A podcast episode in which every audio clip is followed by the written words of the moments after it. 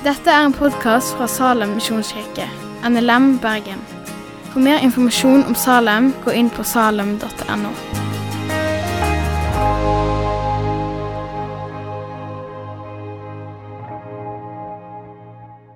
Vi er midt inni, midt inni, vi begynte en taleserie som heter 'Vitne' forrige søndag.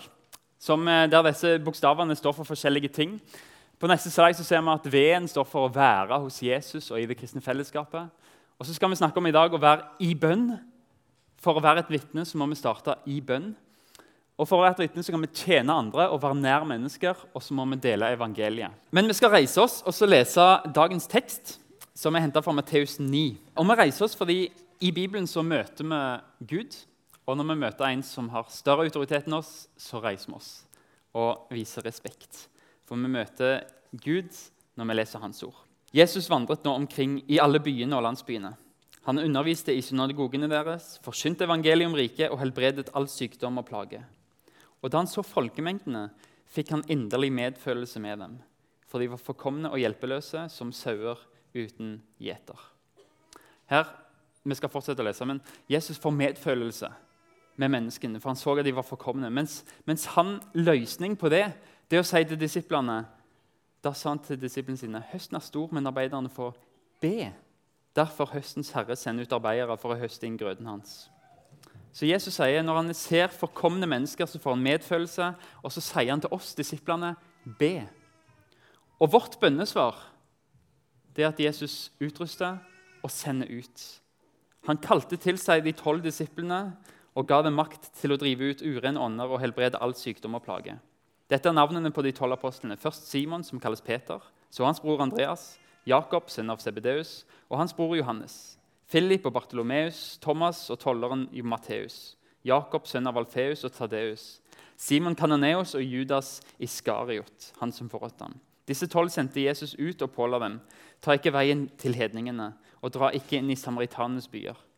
Gå heller til de bortkomne sauene i Israels hus. Gå og forsyn himmelriket er kommet nær. Helbred syke, vekk opp døde, gjør spedalske rene og driv ut onde ånder. Gi som gave det dere fikk som gave. Skaff dere ikke gull eller sølv eller kobbermynter til å ha i beltet, ikke væske til reisen, heller ikke to kjortler eller sandaler eller stav, for en arbeider er verdt sin føde. Når dere kommer til en by eller landsby, så finn ut hvem, hvem i den som er verdig til å ta imot dere, og bli der til dere drar videre. Når dere kommer inn i huset, skal dere hilse det med fred. Og er huset det verdig, skal freden komme over det. Men dersom huset ikke er det verdig, skal freden vende tilbake til dere selv. Er det noen som ikke vil ta imot dere, og heller ikke vil høre budskapet deres, skal dere dra bort fra det huset og den byen, eller den byen og riste støvene av føttene deres. Sannelig, jeg sier dere, Sodoma og Gomorralandet skal slippe lettere på dommens dag enn den byen. Herre Far, ditt ord er sannhet, må du hellige oss i din sannhet. La dette få være ord til å leve på, ord til å gå på, og ord til å dø på, Herre Far. I ditt navn. Amen. Det vi ser her, er at Jesus sier til disiplene det er noen som er forkomne. Dere må be om at høstens herre skal sende ut arbeiderne. Og Like etterpå så gir Jesus de bønnesvaret, for han sier dere skal gå. Og Det med bønn og det å gå med ordet det henger veldig tett andre plasser også i Bibelen. I Kolosserbrevet 4 så står det Vær utholdende i bønn. Våg å be med takk til Gud. Be også for oss om at Gud må åpne en dør for ordet, så vi kan forsyne Kristi mysterium, det som jeg nå er i fengsel for. Be om at jeg må tale slik jeg skal når jeg gjør det kjent. Og så gå frem i visdom blant dem som står utenfor, og bruk den dyrebare tiden godt. La alt dere sier, være vennlig, og la det ha salt og kraft, så dere vet hvordan dere skal svare hver enkelt. Bønn det er en del av det å være et vitne. Det er starten på det, fordi bønn gjør noe med oss. Sånn som vi hørte i åpningen. Hva tenkte egentlig disiplene når de står på, på Oljeberget og får, får beskjeden av Jesus dere skal gå ut i hele verden og gjøre disipler? I hele verden. Når Jesus for opp til himmelen etter å ha gitt disiplene dette oppdraget, det første de gjorde, det var å samle gjengen til bønn. Apostelgjerningene 1. Etter at Jesus har for opp til himmelen, da vendte de tilbake til Jerusalem fra den høyden som heter Oljeberget og ligger nær Jerusalem, bare en sabbatsreise unna. Inne i byen gikk de opp på den Salen hvor de pleide å holde til, det var Peter og Johannes, Philip, nei, Jakob og Andreas, Philip og Thomas, Bartolomeus og Matteus, Jakob, sønn av Alfeus, Simon Seloten og Judas, sønn av Jakob. Alle disse holdt trofast sammen i bønn, sammen med noen kvinner og Maria, Jesu mor og brødrene hans. Jesus hadde altså en ambisjon. Gjør hele verden til mine disipler. Og metoden hans det er å reise opp til himmelen og etterlate ei bønnegruppe. Der starta det. Med ei bønnegruppe. Sånn lykkes, sånn lykkes, disiplene. De ba om Den hellige ånd, sånn som Jesus hadde sagt. Så lenge de levde, så lyktes de med å spre evangeliet ut dit de kom. Men det starta i bønn. Og Sånn har det vært gjennom hele kirkehistorien. Hvis du ser på kirkehistorien, så vil kirkehistorikere som har forska på vekkelser, si at det har aldri i kirkehistorien vært en vekkelse som ikke starta i bønn. Sånn er det òg i dag. Det begynner i bønn. OK, Kristian, men jeg er ikke noe bønnemenneske. Velkommen i den klubben. Det mest spennende i mitt bønneliv det er det som skjer når jeg leser Bibelen og Gud taler til meg. Det syns jeg er rikt. Men når jeg skal be og sette ord på mine egne bønner, så blir det ganske lite inspirerende og noen ganger så kjedelig at jeg syns synd på Gud. Fordi jeg tenker ah, Hvem gidder å høre på dette? liksom? En som hadde et lite inspirerende bønneliv, det var Moses i starten. Det inntrykket jeg får når jeg leser helt i begynnelsen av Moses sitt liv, så, så ser jeg bønnen som er preget av veldig lite tro Bønnen som er preget av mye fokus på seg sjøl. Altså, Moses treffer Gud med en brennende busk. Og Gud sier, 'Du skal gå for meg.' Du skal føre israelsfolket ut av fangenskap og inn i sitt eget land. Og jeg hadde sagt, 'Ja, Gud, ansvar og utfordring. Yes, tusen takk.' Moses sa, 'Hvem er jeg?' jeg skal jeg gå til farao? Jeg er jo bare Jeg kan ikke snakke for meg engang. Og Litt senere i samtalen så klager Moses videre og sier Herre, hør, jeg har aldri vært noen ordets mann, verken før eller nå, eller etter at du begynte å snakke til meg. Sein er munnen min og sein er tunga mi. Send heller en annen. Send heller en annen. Kan du tenke deg en mer egoistisk bønn, egentlig? Gud kaller deg, og så sier du, 'Gud, her er jeg. Send en annen.' Men hvordan var egentlig den siste bønnen du ba og misjon. Gud, du har sendt noen andre. Velsign dem. Tenk å ha som fokus som Moses på seg sjøl i bønnen. Det er bønn med fokus på seg sjøl og på sine egne svakheter og på sine egne tidsbegrensninger. Men jeg har ikke tid til dette. Det er ikke en bønn i tro. Det er en bønn om å slippe konsekvensene av å leve i tro. Send en annen. Men bønn for andre mennesker. Hvis du er sammen med Gud, så får han farge av på deg. Derfor tror jeg at Gud sier til oss i Bibelen vær utholdende. Fordi han vet at det tar tid å farge av noe på meg. Han vet at jeg trenger mye tid for å bli farget av. Han sier 'vær utholdende i bønnen'. For kanskje er det sånn at han kan bruke tid med oss. Og Kanskje er ikke bønnesvaret at jeg får svar på mine spørsmål. Kanskje er bønnesvaret at jeg blir forvandla. At den bedende forandres. Bare se på Moses. Fra den selvsentrerte bønnen som han ber, så skjer det et eller annet. Han blir etter hvert mer kjent med Gud gjennom å, å samtale med Gud. Og Sånn begynner Moses sitt bønneliv å vokse. Etter hvert så leser vi at han, han ber for sine fiender. Plutselig så er han ikke så redd for sine egne svakheter, men han begynner å be for andre. Han begynner å be for farao. Han begynner å be om at farao skal få slippe de plagene. Og for Egypt, landet som de er fanga i. Og Han begynner å be mer frimodig. Når han kommer til, til Sivsjøen, så ber han om et mirakel. Og Han begynner å be om under og tegn. Fordi han blir kjent med at når jeg ber, så møter jeg en Gud som har makt. En som, som ønsker å frelse. Hvorfor skal ikke jeg da be om det? At han skal frelse dette folket? Han begynner med å be om en forventning om at Gud skal gripe inn. Og Videre så ser vi at Moses begynner å be bønner der det er bare takk og pris. Ingen spørsmål. Gud, kan du gjøre dette? Nei, bare takk for at du har gjort dette. Takk for at du er den du er. Jeg har ingen spørsmål. Jeg, har, jeg vil bare takke deg. Og så ser vi at Moses begynner å bli en, en bønnekjempe. Fra å, bli et lite, fra å være et lite bønnebarn med fokus bare på meg og mitt og det jeg trenger, så ser vi plutselig at han har fokus på fiender og på Gud. Og begynner å be bønner som er bare helt utrolige å lese. Og så ser vi at Moses begynner å tenke at min bønn betyr en forskjell. Han står oppe et fjell når israelsfolket kriger. Og så får han se at når han holder hånda oppe i bønn, så går det bra med israelsfolk nede på sletta. Men han senker det, så går det dårlig. Og Så får han hjelp av folk til å stå og holde hendene oppe for å be, og ser at hans bønner påvirkes livet til andre mennesker. Og Moses begynner å be bønner uten spørsmål, uten behov. Han vil bare prise Gud. Han vil bare tilbe. Og Så begynner han å spørre Gud om råd. Uten å klage så bare legger han fram sånn er det, Gud. Sånn har vi det. Vi har ikke vann, vi har ikke mat. Hva har du tenkt å gjøre med det? Og Tenk det da, fra å være, møte Gud i den brennende busken og si 'ikke villig', 'nei takk', 'ikke i det hele tatt om jeg går'. Og Så ser vi at han plutselig slutter å fokusere på sine svakheter. Og så sier han, 'Gud, hva vil du?' Hva vil du for dette folket her? Og Kanskje den største bønnen Moses ber, er, leser vi mot slutten av, av, av andre Mosebok. Den, den, den, bønnen der jeg tenker at Moses, nå har det vært mye med Gud. Nå har du blitt prega. Han har fått farge av på deg. Fordi den bønnen er så prega av Gud og, og Guds karakter. Israels folk har synda, og Gud sier til Moses, 'Jeg vil utrydde dem'. Men så leser vi fra 2. Mosebok 32. Dagen etter sa Moses til folket.: Dere har gjort en stor synd. Men nå vil jeg gå opp til Herren. Kanskje jeg kan skaffe en soning for syndene deres. Så vendte Moses tilbake til Herren og sa.: Dette folket har gjort en stor synd.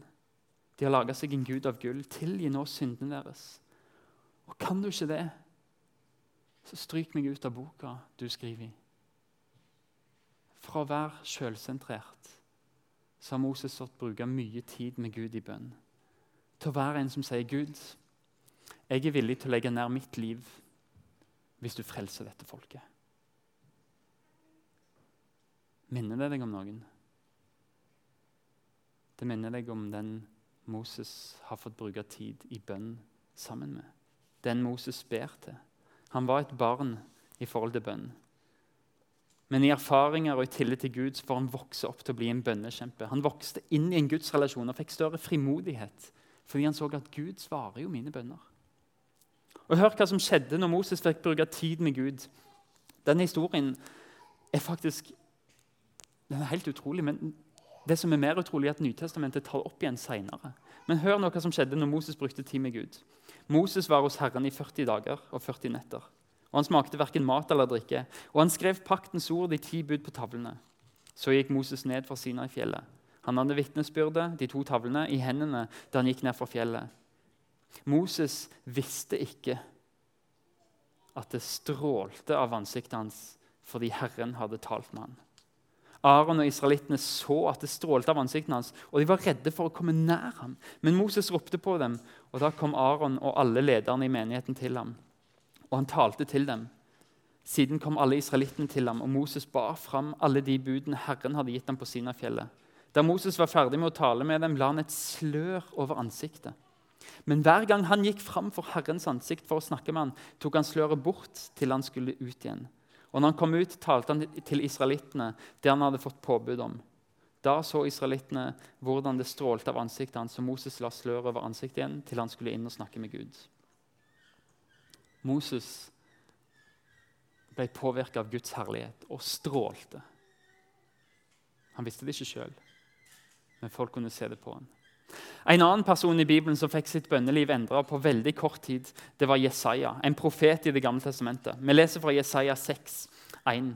I det året da kong Ossia døde, så jeg Herren sitte på en høy og opphøyd trone, og kanten på kappen hans fylte tempelet. Serafer sto overfor han. Hver av dem hadde seks vinger. Med to av dem dekket i ansiktet, med to dekket i føttene og med to fløy de. De ropte til hverandre, 'Hellig, hellig, hellig er Herren Sebaot.' Hele jorden er full av Hans herlighet. Røsten som ropte, fikk bolten i, i dørterskelen til å riste, og huset ble fylt av røyk. Da sa jeg, ved meg, der ute med meg, for jeg er en mann med urene lepper, og jeg bor i et folk med urene lepper, og mine øyne har sett kongen, Herren over herskarene. Da fløy en av serafene bort til meg. I hånden hadde han en glo som han hadde tatt med en tang fra alteret. Med den rørte han ved munnen min og sa, Se, den har rørt ved leppene dine. Din skyld er tatt bort, og din synd er sonet. Da hørte jeg Herrens røst, og han sa, Hvem skal jeg sende, og hvem vil gå for oss? Jeg sa, Jeg, send meg. Han sa, Gå og si til dette folket, dere skal høre og høre, men ikke forstå, se og se, men ikke skjønne. Jesaja sitt første ord med Gud, det Se meg. Jeg er, jeg er ingenting. Og Det er en riktig reaksjon når han møter en hellig Gud, men, men han får møte den barmhjertige og tilgivende Gud. Og Synet av Gud det endrer Jesajas fokus fra å være innadvendt på sine egne svakheter til å se nåden. Til å se at Gud renser meg. Og Derifra så går Jesaja videre og sier dette trenger andre å få vite. Jeg vil gå. Send meg. Send meg, Gud. Her er jeg, send meg.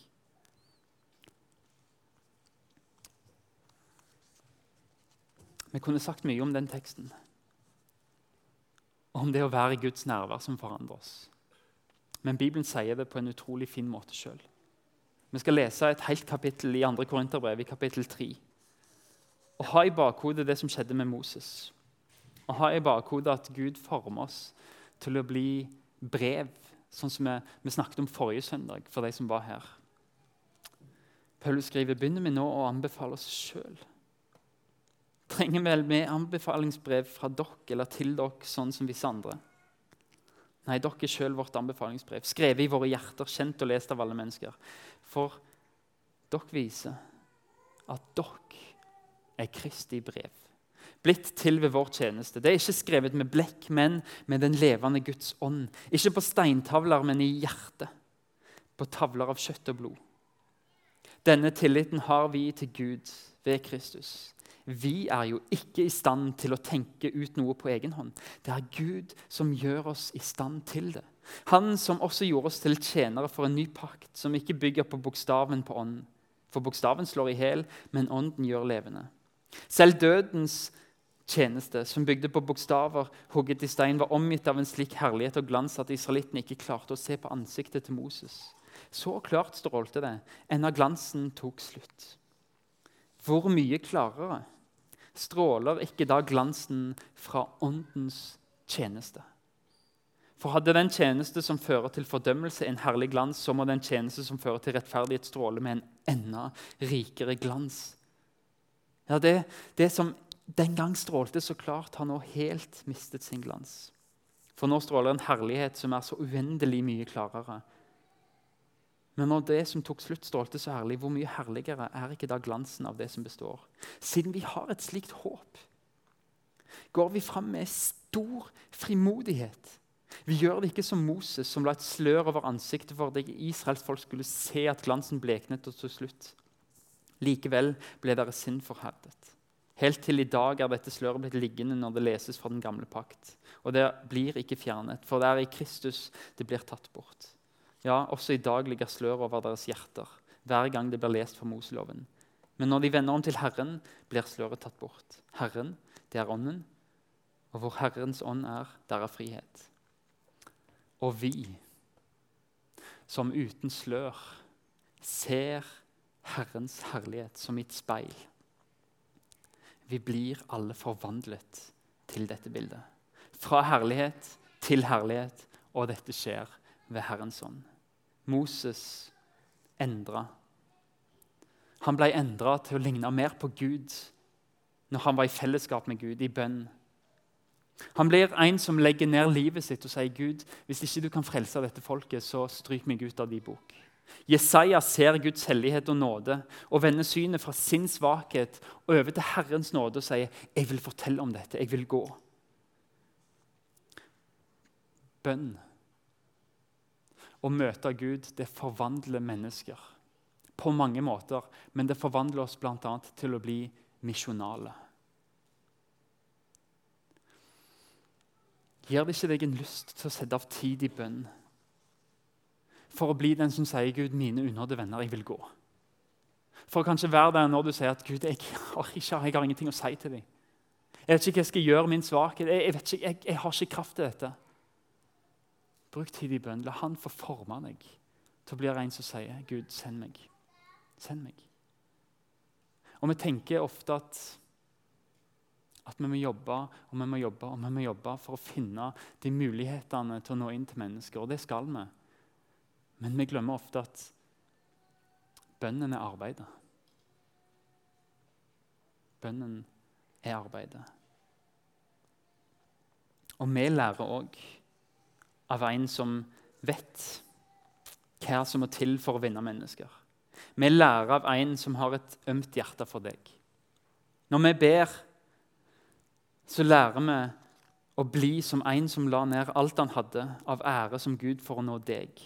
Og når vi ber sammen, når vi er sammen med en som lå på kne i Getsemane og tigga Gud en gang Han svetta blod, han var livredd, og han visste der han lå på kne, så visste Jesus i Getsemane at nå står det mellom å flykte og berge mitt liv eller gå inn i stokkeslag, piskeslag, tårnekrone, spott, korsfestelse og død for å berge ditt liv. For å berge deg han elsker, for å berge deg.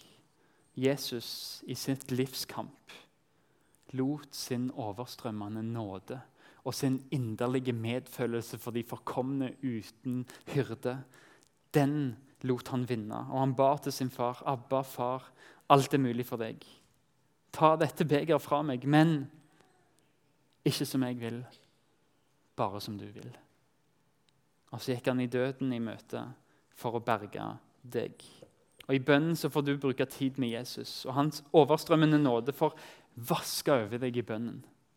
I Bibelen og bønnen får få forme deg til å bli sånn som han er når du bruker tid med han. Som Moses, som ikke lenger ser på sine svakheter, men Guds kraft. Som Jesaja, som slutter å se på sin synd, men ser på Guds nåde.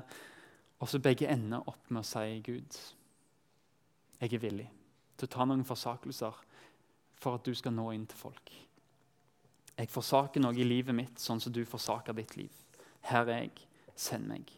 Jesus lærer oss å si, 'Gud, ikke min vilje, men din.' I bønnen så kan du bli en som legger ned forsakelser, fordi du bruker tid med en som lar ned hele sitt liv for din skyld. Bønn og evangeliet, det er starten på alt. Det som begynner å forme oss til å bli vitne for Gud. Hvis du vil vinne mennesker, så start med bønn. Start med bønn for å bli forma for å møte Jesus, og start med å be for disse menneskene. Det kan koste oss mye, fordi du kan risikere å bli bønnesvaret. Men du går ikke alene. Du går i fotsporet til en som allerede har lagt ned alt for å vinne deg. Og så lærer han deg hvordan kan du gjøre det for andre. Jeg har lyst at vi skal ende opp med noe praktisk. På mange av stolene ligger det et sånt vitnekort. Noen av dere har kanskje kulepenn, og kanskje noen ikke har det.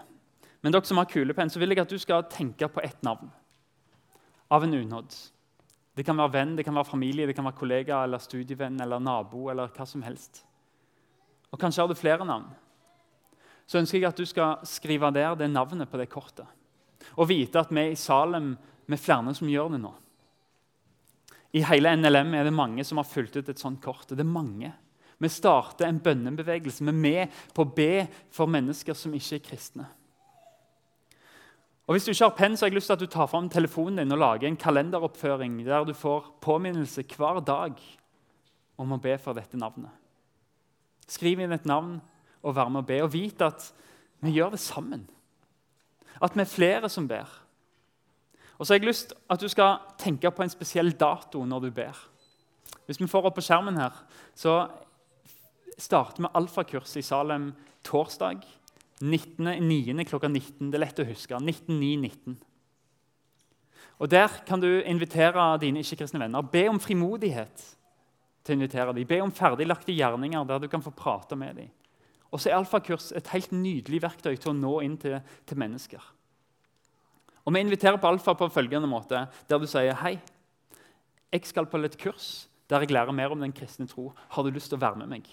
Ikke bare send folk hit, gå sammen. Fordi dette er noe en gjør sammen. Å oppleve Jesus, å erfare Jesus og se mer av Jesus.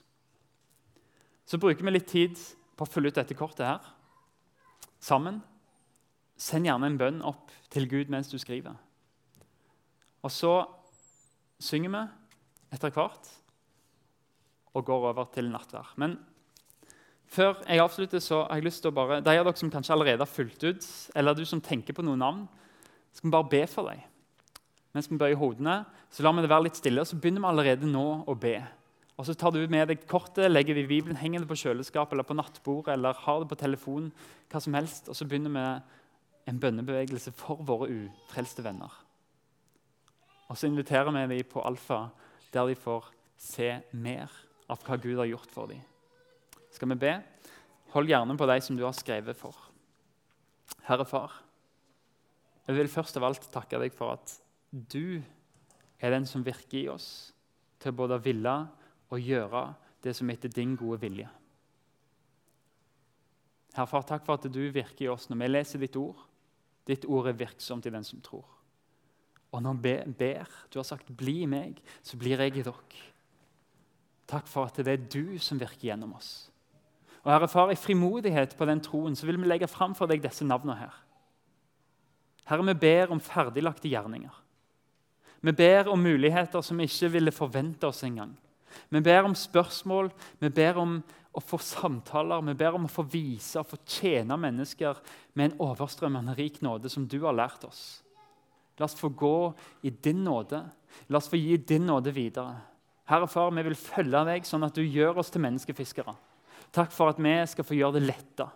Og så skal du gjøre det nesten umulige og gjøre oss til menneskefiskere.